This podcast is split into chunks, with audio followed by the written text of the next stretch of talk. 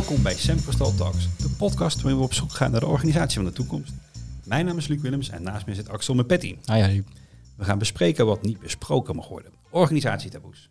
Vandaag gaan we in op het onbesprokene rond eerlijkheid. Of omgekeerd waarom mensen ronduit liegen. Tegen collega's of andere belanghebbenden in de omgeving van de organisatie. En daarvoor is onze gast vandaag Gonnie Been. Hallo, hoi. Leuk dat je er bent. Gonnie, je bent een van de oprichters van de World Benchmarking Alliance. Een stichting die ondernemingen langs de meetlat legt van de 17 Sustainable Development Goals, ook wel SDG's. De doelen die de VN opstelde met het oog op een duurzame en betere wereld in 2030. Dit doet de World Benchmarking Alliance niet voor zomaar bedrijven. Nee, de 2000 invloedrijkste organisaties ter wereld worden doorgelicht. Hiermee willen jullie een beweging in gang zetten waarin de private sector actief bijdraagt aan het behalen van de doelen. Als een van de oprichters van de WBA wordt Gonnie dan ook gedreven door de ontwikkeling van de mens in relatie tot duurzaamheid en de vraag waarom dingen werken zoals ze werken. Ja, dat klopt helemaal. Ja. Een mond vol. ja. Zo'n lange introductie hebben we nog niet eerder gehad, maar daarmee zetten we ook wat neer. En uh, ja, allereerst zijn we benieuwd, uh, wat is dan de kern van wat jullie proberen te benchmarken of te meten bij organisaties? Poeh, dat is wel een. Dat, dat, of ik daar zo heel snel een antwoord op kan geven. Nou, dat is in ieder geval uh, uh, al. Ja, wij noemen dat indicatoren die, die gerelateerd worden aan, uh, aan duurzaamheid. Dus noem even: worden de eerlijke lonen betaald? wat doet een organisatie om goed voedsel te ontwikkelen? nou ja, wat is dan goed voedsel? nou ja, zo, en ik kan nog heel ver doorgaan ethical AI is ook een hele mooie. Dus die grote technologische bedrijven denken die überhaupt na over als we dan machines laten leren, wordt dat nog op een ethische manier gedaan. Nou, ik, en, en, met daarnaast nog een heleboel andere indicatoren. CO2-uitstoot. Uh. Ja, dus dat, dat, dat zou um, een invulling kunnen zijn van het eerlijke doen als in het goede doen, het rechtvaardige. Ja. Um, hoe zie je thematieken zoals eerlijkheid versus uh, liegen terug in jullie werk? Ik merk dat ik een beetje aansloeg op liegen. Want ik denk dat mensen heel vaak niet bewust liegen. Uh, misschien de waarheid verdraaien. Volgens mij zeggen, kinderen, zeggen we dat ook tegen kinderen. Dus ik denk dat dat in dit geval ook zo is. Kijk, bij bedrijven is, kan je toenemende transparantie zien in, in wat, ze, hè, wat bedrijven laten zien waar ze mee bezig zijn. Uh, en ik, dat kan je op menselijk vlak vertalen naar eerlijkheid. Dus hoe eerlijk ben je daarover? Wat laat je wel zien en wat laat je niet zien? En hoe bewust ben je daar dan van? Maar dat is in feite wat wij ook doen. Dus we, we, we dwingen, vriendelijk vragen die bedrijven om steeds meer publiek te maken. Nou ja, commerciële organisaties hebben natuurlijk vaak, uh, het is concurrentie, is vaak het excuus om, om dat niet te doen. Hè? Want als anderen weten wat we aan het doen zijn, dan lopen zij misschien straks met onze ideeën weg, et cetera, et cetera. Nou, dat is denk ik het, het, het, grote vanuit een organisatie waarom bedrijven het moeilijk vinden om eerlijk te zijn. Um, en bang zijn. Ik denk dat het eerder bang is en dat je daarom zegt van ja, ik ga niet eerlijk zijn. Bang zijn waarvoor? Bang zijn dat je kwijtraakt wat je hebt.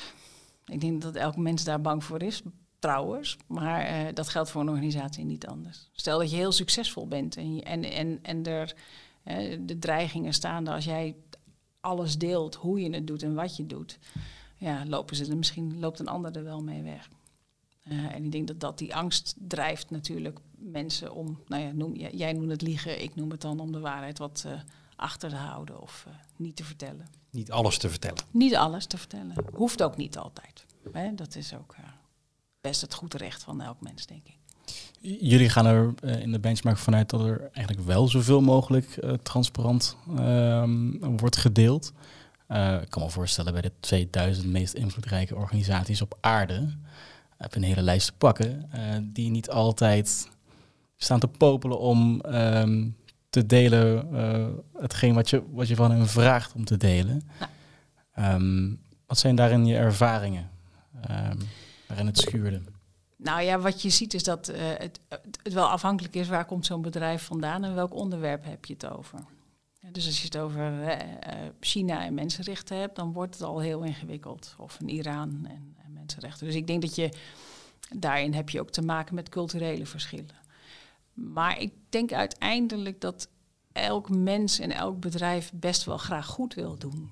Dus op het moment dat je ze handvaten biedt, waarin je ze eigenlijk een, een, een, een roadmap geeft waarop ze weten hoe zij duurzaam kunnen bijdragen aan een betere wereld, dat ze daarin uh, nou ja, dat ze dat echt wel willen. En dat, dat je dan nog duwt op transparantie, omdat je weet dat er dan een ander mechaniek uh, tot gang, op gang komt, namelijk competitie.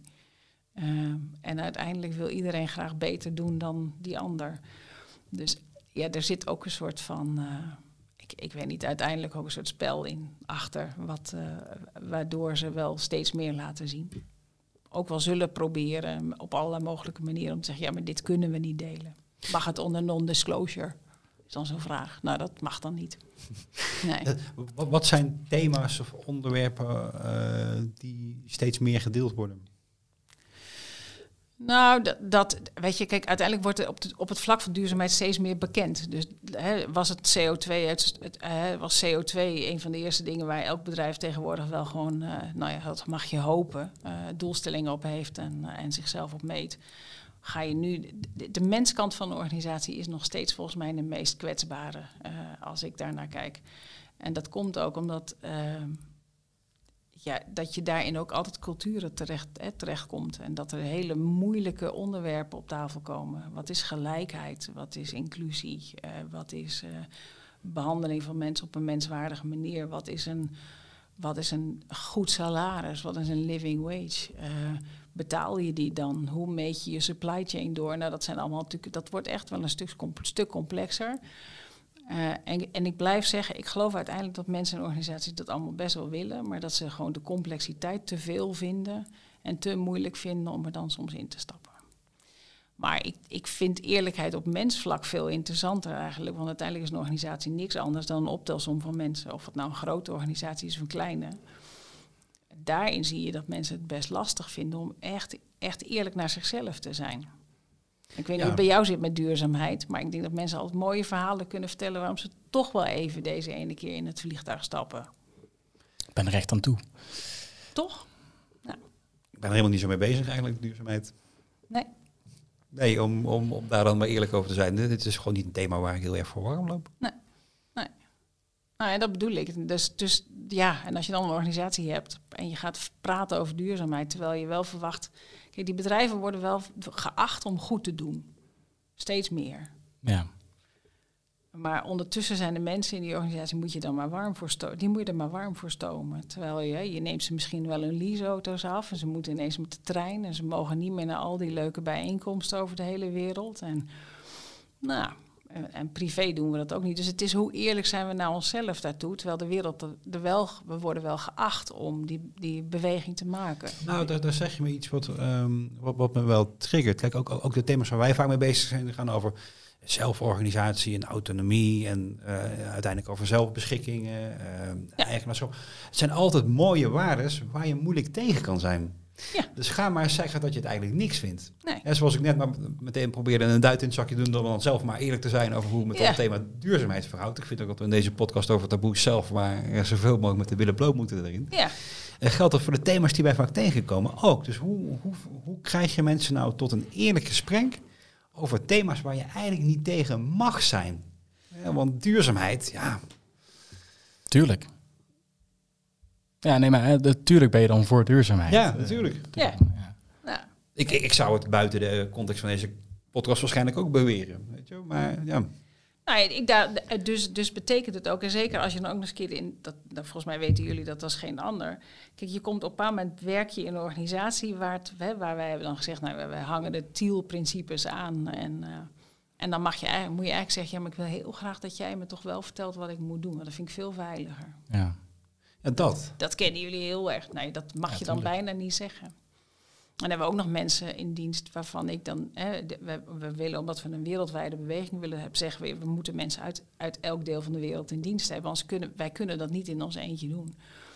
En dan kom je uit een cultuur waar die behoorlijk hiërarchisch is, bijvoorbeeld. En dan gaan wij zeggen, nee hoor, je mag alles tegen mij zeggen. Hè, als directeur dan zegt zo iemand echt niet tegen jou, nou dat ga ik niet doen, want ik ben niet opgevoed op die manier, dus ik vind dat ingewikkeld. Dus je moet heel veel, in, heel veel investeren in gesprekken hieromheen, waarin je dan op een bepaald moment leert en voelt dat mensen zeggen, ja, maar ik, dit vind ik wel heel erg spannend. Dat kan je wel tegen mij zeggen, maar ik ben anders opgevoed. Of ja, dus anders ook, opgegroeid. Dus ook, ook, ook, daar ga ik al mee in, in, in je gedachtensport. Het is niet zo dat mensen opzichtig gaan zitten liegen Eh, maar eh, zich inhouden. We hadden het gisteren nog in een sessie. Dat, dat zitten er twintig mensen eh, op een rij. Weet je wel? En, en één, één iemand zegt dan... Kom, laten we maar gewoon zeggen wat, wat ons bezighoudt. Dus de, de, de thema's die ze onderling met gemak bespreken... Ja. In de, in de setting van de, van de bijeenkomst die wij organiseren... gaan mensen gewoon... zwijgend zitten kijken. Misschien is dat nog wel veel meer... eh, Ja, en hoe krijg je ze dan wel hè, tot, het, tot het zeggen wat ze echt dan op dat moment bezighoudt? Voor mij is dat eerlijkheid. En niet, niet eh, nou zeggen, wij, wij, hadden dat, eh, wij hadden het daar al een keertje over van dit is wie ik ben en, eh, en zo, zo blijf ik ook. En ik ben heel eerlijk. Nou, dan gaan bij mij alle alarmbellen aan, want dan denk ik, ben je dat anders dan niet? En, en, en wat zit hierachter? En Ja. durf je een dialoog op te starten in je organisatie? Eh, waarin je dit soort, dit soort onderwerpen, nou ja, noem het, jullie noemen het taboes, maar gewoon de ongeschreven dingen, durf je die op tafel te zetten. Kijk maar naar je eigen familie. Ik weet niet hoe het bij jou zat vroeger, maar je, je, wist dat je vader had. Ik, nou, in mijn geval was dat Studio Sport op zondagavond. Maar er, was niemand, daar moest je vanaf blijven. Ehm, maar daar werd nooit over gesproken dat het, de rest van het gezin het allemaal stom vond. Daar werd gewoon niet over gesproken. En dat is in een organisatie niet anders. Wat zijn, zo, wat zijn zo de belangrijkste taboes eh, die nu in je opkomen die jij zo hebt gezien? Dus niet zozeer vanuit je huidige rol bij, eh, bij, bij de Benchmarking Alliance, maar in zijn algemeenheid misschien daarvoor. Nou, ik zie, ik, wat ik bijvoorbeeld bij Microsoft was het, eh, was het wel heel interessant, is dat als jij scoren, hè, als je een sales deal had dicht, dat scoren, dat was iets wat gevierd werd. Ja. Eh, maar dat als iemand het niet gehaald had, nou, dan werd daar niet zo heel erg over gesproken. Maar in de ongeschreven regels was er wel een soort pikorde die er dan ontstond. Hè? Want jij, was, jij scoort hoog en jij scoorde minder. Nee, daar, werd, daar, daar, ja, daar werd nooit echt over gesproken. Ehm, ja, ik heb ook hele nare dingen meegemaakt daarin. Dat je, dat je voelde dat vrouwen echt harder moesten werken, bijvoorbeeld. Eh, of dat er eh, eh, zomaar werd gezegd: ach ja, jij, jij bent een vrouw, dus jij krijgt een, een deal makkelijker rond. Nou, dat zijn van die ongeschreven dingen die in een organisatie altijd hangen. En, Ja, en dus vaak de- heb je ze niet door, maar ze maken en breken je organisatie. Ja, dus taboes en ongeschreven regels eh, Ja. zijn eigenlijk bijna uitwisselbare begrippen. Ja, en dat geldt voor jezelf denk ik ook. Ik weet niet hoe vaak jullie tegen jezelf zeggen van ik ga het volgend jaar anders doen. En dan is er ook een stemmetje wat zegt, ja, oh, ik weet het nog niet of ik dat wel ga doen. En hoe eerlijk ben je dan tegen jezelf? Dat je denkt, nou ja, ik beloof het mezelf wel, maar ik ga het toch niet doen. Eh, dus ik, misschien moet ik iets anders kiezen. Eh, ik denk dat die dynamiek, ja, die vind ik echt heel erg fascinerend. Ook in een organisatie. Wat zijn nou typische ongeschreven regels die je overal tegenkomt? Of op veel plekken. Ja, wat er bij mij dan, maar dat is denk ik om mijn eigen ervaring, dat heeft dan toch echt wel te maken met bijvoorbeeld ehm, dat je altijd uit, hè, dat je aanwezig moet zijn in een organisatie. Dus dat je je moet manifesteren. En, eh, zichtbaar moet zijn. Dat was ook zo'n zo'n regel die, eh, of je nou een NGO bent of een hartstikke commerciële organisatie, zichtbaarheid, met name voor de top van een organisatie, is een soort, eh, ja, voor mij een, een regel die is er. Omdat de top van de organisatie, vind ik dan, te weinig moeite doet om die, die parels die misschien wel wat stiller zijn, de stille kracht, eh, te zien of eruit te halen. Maar dat vind ik echt een ongeschreven regel die mij ook altijd mateloos irriteert. Eerlijk gezegd. Maar misschien komt het ook omdat ik zelf zo heel hard daarvoor toch heb moeten werken en niet altijd het meest zichtbare mens was. Ik ga niet echt heel snel op een podium staan bijvoorbeeld. Ehm, dus misschien is het ook daarom wel dat het me irriteert. Ja, ik, ik, ik beluister in dit verhaal dat het, we, we zijn of, of, of men is heel vaak met- anderen bezig. Eh, dus daarin ehm, eigenlijk bezig met het verhaal, oké, maar ehm, hoe verhoudt hij zich tot mij? In plaats van dat je eigenlijk je, je eigen standpunt eerst inneemt en vanuit die kracht spreekt. Ja. Ehm, en dat doe je omdat je je, niet, niet kwetsbaar wilt opstellen. Ja. Want uiteindelijk, eh, dat hoorde ik je in het begin van je verhaal ook, ook zeggen van eerlijkheid. Als je heel eerlijk bent, dan, dan geef je misschien bepaalde privileges op. Ja. Eh, als ik nu zeg hoe, hoe hoog mijn salaris is, eh, dan, dan, dan, dan, dan, hoor ik hem kijken van, oh, maar mijn is veel lager. Dus Ehm, misschien moet ik dan wel gaan inleveren als ik dit transparant ga maken. Ja, of moet ik ineens gaan uitleggen waarom ik meer waard ben dan jij? Poeh, Ja. dat is ingewikkeld. Maar da- daarin zeg je dus ook wel wat moois. Eh, waarde. Niet per se waarde in, of je kan het in financiële cijfers uitdrukken, maar mijn waarde ook in sociale zin. Ehm, eh, is het nou waardevol dat, dat ik hier aanwezig ben en, eh, in het team en voor verbinding zorg, eh, maar niet, bijvoorbeeld niet voor de omzet zorg, terwijl ik wel gewoon senior consultant ben. Ja. Ehm, dat zijn gesprekken die we eigenlijk helemaal niet vaak voeren. Nee. Ehm, is dat dan het, het, het startpunt om eerlijkheid meer te centraliseren in een organisatie? Of Ik denk wel dat dit het is. Kijk, en, en daarin hè, zul, je ook, zul je ook mensen hebben met op bepaalde positie die dat als eerste op tafel moeten gaan leggen. Want als die dat niet doen, gaat de rest het ook niet doen. Dat weten we. Dus voor mij is inderdaad, durf je te bespreken wat voor jezelf bijna onbespreekbaar is. Dus durf jij ehm, nou ja, ook je eigen hersenen, hersenspinsels op tafel te leggen. Bij, een bij een ding als inclusie, dit- ook zo'n woord wat heel makkelijk gebruikt wordt in een organisatie. ja. En net als diversiteit. Ehm, durf je te zeggen dat je het eigenlijk best ingewikkeld vindt om te werken met iemand die heel anders is dan jij? Dat het veel makkelijker is om met, met iemand die hetzelfde functioneert als jij. Du- Durf je dat hardop uit te spreken? Nou, dat, dat zijn eerlijke gesprekken en die mogen hartstikke schuren. En als je dat doet, als je die taboes op tafel eh, legt, kan je als organisatie ook echt veel verder komen. Dan kan je ook wel zeggen, sommige ongeschreven regels werken best goed. Nou, die houden we dan in stand. En die andere werken eigenlijk tegen je. Nou, dan gaan we daar met z'n allen een besluit voor nemen dat we, die, dat we daarvan eh, eh, eh, afscheid van gaan nemen. Ja, ik vind het wel heel mooi eh, wat je aangeeft. En eh, diversiteit en inclusie. eh, je- ziet de duizenden comité's hier langskomen tegenwoordig. Ja. En ik ben chief diversiteit en inclusie. eh, ehm, Natuurlijk ben jij dat. ja, precies, weet je. Dus, ehm, ehm, ma- maar ik, ik merk wel, bijvoorbeeld bij mijn schoonvader, die, die, die, die las een hoop over diversiteit en inclusie, maar je had toch een vraag van, nou, ik, ik, ik snap het gewoon eigenlijk niet. Eh, die, die dacht in eerste instantie van, ja, maar als we gewoon verschillende culturen aannemen en eh, mannen en vrouwen en mensen met een, eh, met een buitenlandse afkomst in het bestuur, dan, dan zijn we toch divers.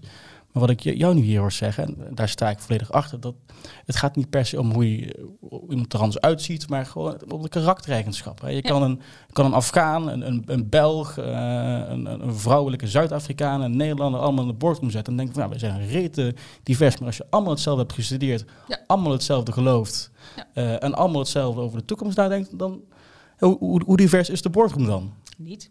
Toch? Nou, daar ben ik het helemaal mee eens. En durf je dus ook, want ik denk dat dat ook de relatie is met hè, voor mij die eerlijkheid. Durf je, nou, ik noem dat altijd, naar je eigen gebruiksaanwijzing te kijken. En, en snap je die überhaupt? Want er is natuurlijk een heel stuk wat je eigenlijk niet eens snapt. Want je hebt zelf ook weer heel veel van die dingen opgebouwd die gewoon zo zijn. En, eh, als je daarnaar durft te kijken, je durft dat op tafel te leggen en je durft dat in een team met elkaar te bespreken. En je, en je ontmoet elkaar zo nu dan ook halfway. Want anders dan nou, kan jij met je kleurtje of ik eh, eh, met, in dit geval vrouwen, leuk tegenover elkaar zitten. Maar wat is dan de waarde die je toevoegt? Als we toch hetzelfde blijven doen als daarvoor, nou dan kan je beter. Nu begint mijn partner heel hard te lachen. eh, diezelfde witte mannen weer aan dezelfde tafel te zetten. Dat ver- Er verandert dan niks. Dus het is zo belangrijk dat je veel meer naar binnen gaat. En, en bedenkt hoe functioneer jij nou eigenlijk? En hoe breng je dan die waarden eh, eh, en, hè, naar buiten? En hoe, ze, hoe werk je dan samen? En durf je ook te zeggen dat het ingewikkeld is? Dus het begint met eerlijk zijn tegen jezelf. Ja, voor mij wel. Maar bij, bij begint alles met in eerste instantie naar binnen toe. Ik geloof ook niet dat je de wereld niet kan verbeteren als je jezelf niet verbetert. Dat is een overtuiging, dat weet ik. Maar ik denk wel dat dat zo werkt, ja. Wat probeer jij te verbeteren aan jezelf? Oh, dat is een constant proces. Eh, eh, op dit moment eh, ben ik wel heel erg. Ik kan behoorlijk dominant zijn. En ik probeer minder dominant te zijn bijvoorbeeld. En dat doe ik door minder te zeggen. Maar vind ik heel ingewikkeld. In een, zeker als je. ik ben een van de oudste medewerkers. Mensen verwachten ook altijd dat je iets praat. Maar als je dan een stilte laat vallen. Gaan mensen je aan zitten kijken, zelfs online, want wij werken alleen maar virtueel, totdat je wel praat. Nou, dan ben ik echt aan het oefenen. En ik- is dat een verbetering? Want dat vind ik altijd bij ontwikkeling praat je natuurlijk eigenlijk niet over verbeteren. Maar dan denk ik wel, ja, ik moet meer ruimte geven. Nou ja, dat is dan echt wel een, uh, een opdracht aan mezelf, waar ik heel hard mee aan de slag ben. Ja. Maar die vertel ik dan ook hè, aan iedereen om me heen. Dus dat, ja, dat is stap één. Ja, dat is die eerlijkheid. Je eigen bewustzijn, maar ook uh, zorg dat de anderen bewust van worden van uh, welk proces jij zit. Ja, ja. En jij, Luc? met als welke vraag? De, de, vraag die je aan Gonnie stelde. Hoe, hoe ben je zelf bezig met je eigen verbetering?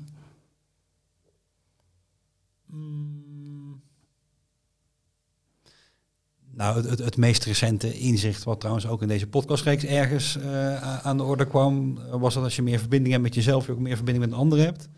En dat vind ik echt zo'n uh, uh, schokkend groot inzicht dat ik ook voortdurend mee speel.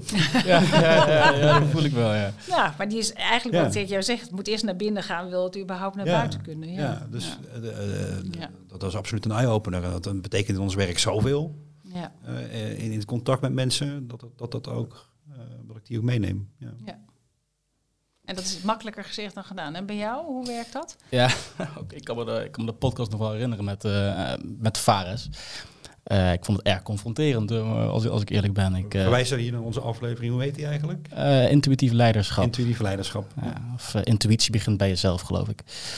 Um, ik kan me nog wel herinneren, kwam, kwam binnen Fares, die, die, die ontving mij.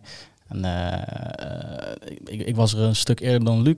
En uh, dus, uh, ik heb dan altijd de neiging om eigenlijk mijn gast te gaan vermaken, ook al ben ik daar de gast. Dus dan heel veel zenden, zenden, zenden, zenden, zenden. Faris die keek en nou, knikte. op een gegeven moment nou, vertelde hij dat over zichzelf, heel kort en bondig. Maar dat, vond hij alles wat hij voelde dat hij moest zeggen. En toen um, reflecteerde we daarop terug te zeggen van ja, je bent eigenlijk heel erg bezig om mij te vermaken, maar, maar wie ben je nu zelf? Mooie vraag. Ah, dacht ik van shit, weet je. helemaal, heb me helemaal beet, jongen. Dus vanaf dat moment ben ik heel erg bezig van... Um, Oké, maar uh, wat is mijn eigen gevoel? En mijn eigen gevoel mag er ook toe doen. Ja. Um, om over dat gevoel even door te gaan... Um, even de vraag te beantwoorden, hoe ben jij bezig met je eigen verbetering? ik had laatst een bewustzijn dat er een verschil zit tussen je mening geven... Uh, wat af en toe heel erg direct overkomt, maar ook gewoon een gevoel aankaarten. Uh, en de mening is ook gelijk van, nou, dit vind ik. En het gevoel is van, nou, dat, ik, ik merk dit. Ja. Um, en um, daar ben ik me dan meer bewust van. Uh, dat een mening geven toch uh, heel voor, voor heel veel mensen toch voelt van, oké, maar dit is het en dit gaat er gebeuren. Ehm, wij, wij kaarten vaak het voorbeeld aan. Um, hè, er komt een, een medewerker bij, bij de manager of leidinggevende. Nou, even vragen wat, wat de manager ervan vindt hoor. Ik heb toch wel even zijn advies nodig. Nou, de manager geeft zijn mening. Van, nou, ik, eh, ik denk dit en dit en dit. En dan loopt de medewerker weg. Nou, top. Besluit genomen. Uh, want uh, Luc vond dit. Uh, terwijl als je een, een gevoel uit en merkt van, nou, ik denk dat je er zo over denkt en, en dit is mijn gevoel. Um, dat, dat komt wat zachter over en wat meer, het, het gesprek is nog open. Ja. Um, en ik denk juist dat open gesprek, dat is van belang. En of we nou uh, heel snel van A naar B kunnen, is minder belangrijk. Maar we moeten zorgen dat we alle opties open houden. Ja. En uiteindelijk met elkaar um, in overeenstemming komen wat het beste is voor een bepaald onderwerp. Op dat moment. Op dat moment. Wat ook zomaar weer kan veranderen.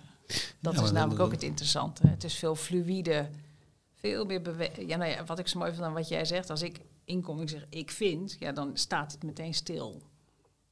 Ja, shit vind ik niet, maar uh, weet je wel, helder. Ja, maar als het kan bewegen, dat is voor mij, dat, ik geloof dat je in de wereld waarin we nu zitten, alles is in beweging. Dus je hebt zelf die beweging ook nodig. Of dat nou bij jouw onderwerp is, naar binnen gaan.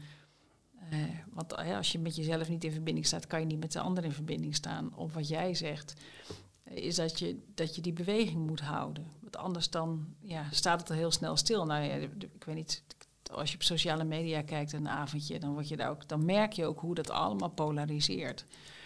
Uh, en dat, dat heb je ook zomaar voor, voor elkaar in een organisatie. Waardoor je ook niet kan aanpassen op wat er om, op, om je heen gebeurt. Uh, dus ik, dat is mooi. Het is ook mooi dat je, dat je ervan bewust bent, denk ik.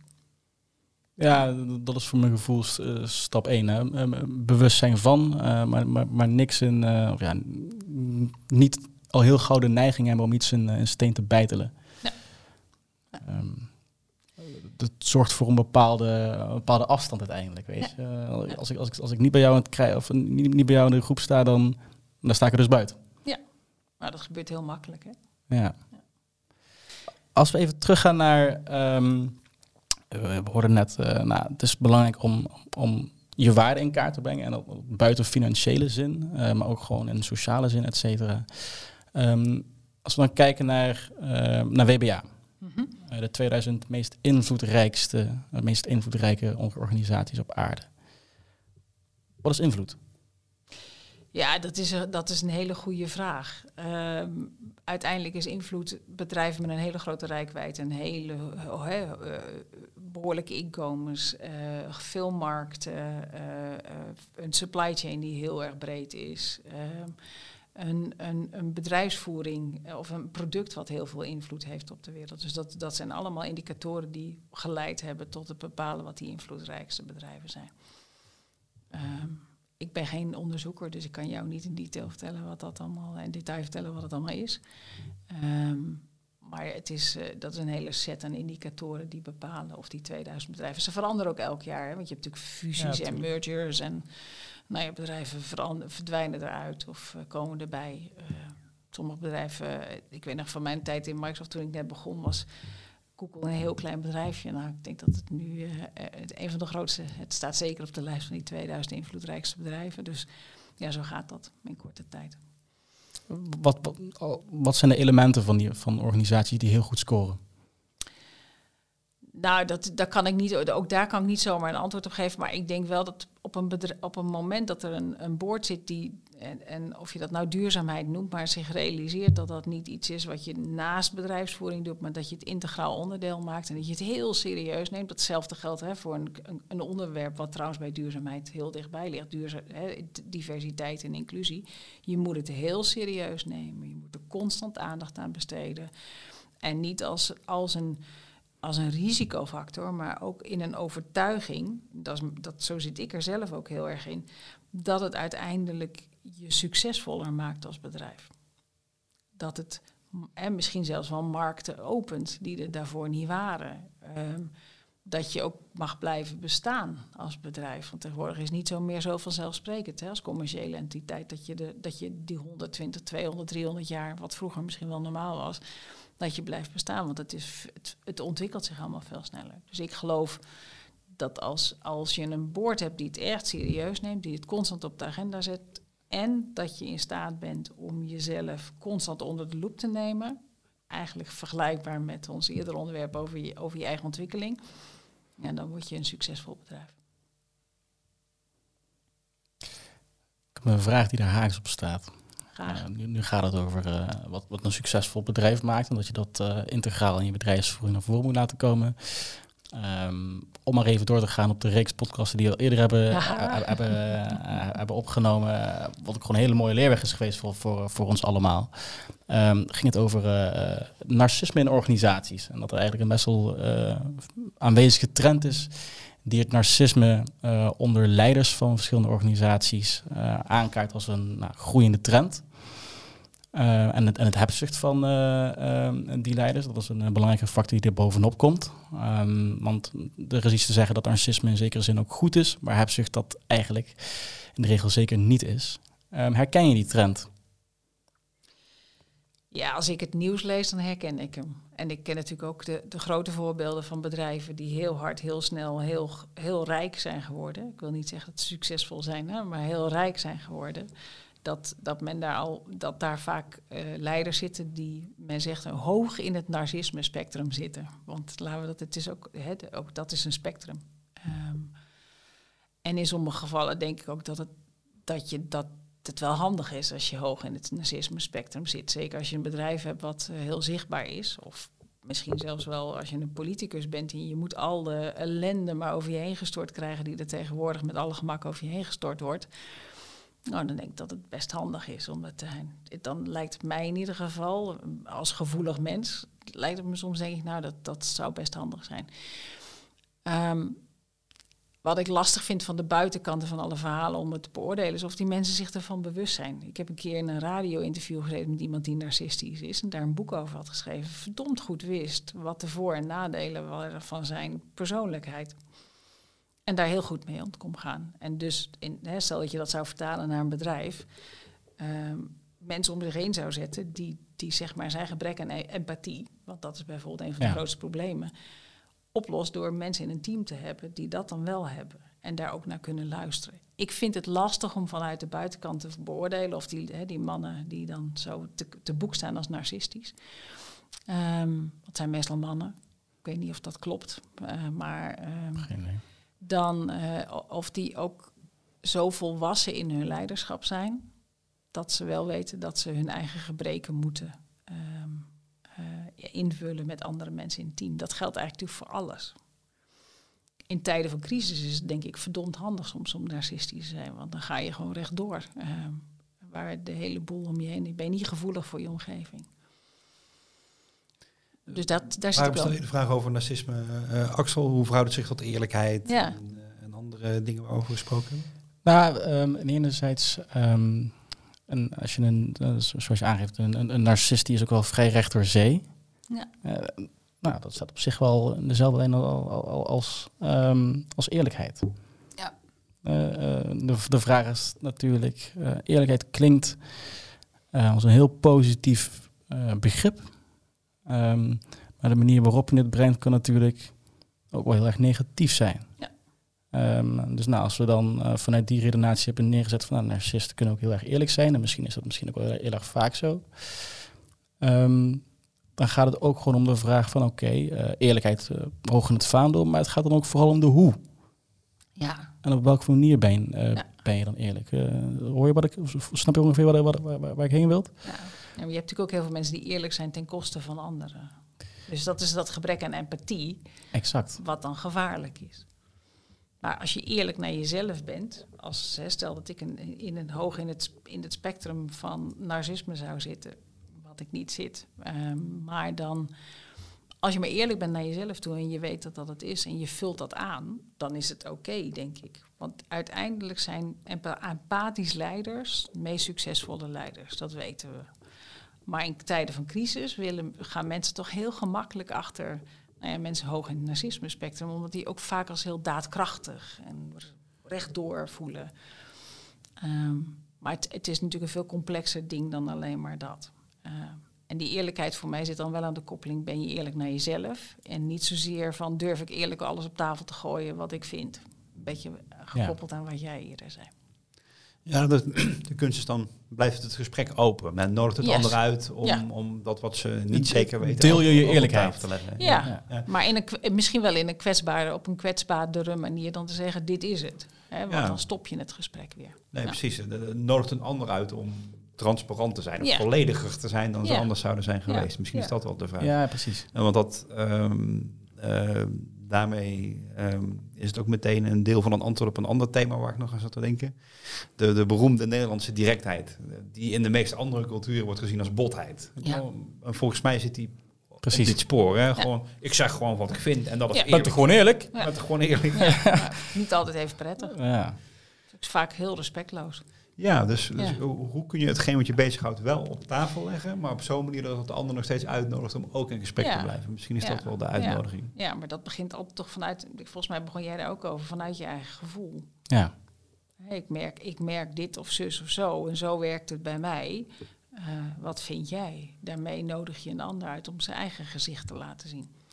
Ja, en die gespreksvaardigheden helpen in ieder geval bij dingen zoals taboes, waarbij Ja. eh, ik een mooi inzicht vind dat taboes altijd te maken hebben, of vaak te maken hebben met ongeschreven regels die gaan over wat uiteindelijk de pikken worden bepaald. Ja, ja of je nou, noem het hiërarchie of... eh, Ja. ja. Ja. En hiërarchie gaat natuurlijk veel verder dan eh, wie is de baas en wie zijn de medewerkers. Hiërarchie gaat in die zin of de, de, de, de status en, en verhoudingen, eh, die, ehm, die, die bevinden zich op allerlei manieren en allerlei gradaties. ja. Ja. Eh, in- in- vorige week nog in een podcast hadden we het ook over, over status en, eh, en macht. En een, een leuk onderzoek wat de gast toen aanhaalde, was hij van probeer maar eens als je eh, bij een vergadering ergens binnenkomt te kijken wie is hier de baas. Nou, ik heb het vorige laatst bij- gedaan, hè? Ik Ja, heb, ik ja. heb, ik, En? ik heb bij feilloos. Ja. Je ziet het meteen. Als je Ja. erop let, zitten mensen voortdurend de onderlinge verhoudingen uit te zenden. Ja, en wat ook een leuke daarbij is, dat is dat je de, de 20-60-20 regel uh, kan je ook loslaten op elk gesprek waar je in zit of groep waar je in zit. Dus de 20% die, die al denkt van, ah, dit gaat helemaal nergens over, ik doe hier niet aan mee, hè, die. En dan de 20% die denkt, hè, eindelijk ligt, dit, eindelijk ligt dit onderwerp op tafel. En meestal ook vanuit een eigen belang. Um, en dan heb je de 60% die denkt, nou, ik wacht dit nog maar even Kijk, af. De kat even uit de boom. Dit en die vind ik ook wel grappig. Die zie je ook binnen, uh, binnen de kortst mogelijke tijd ontstaan.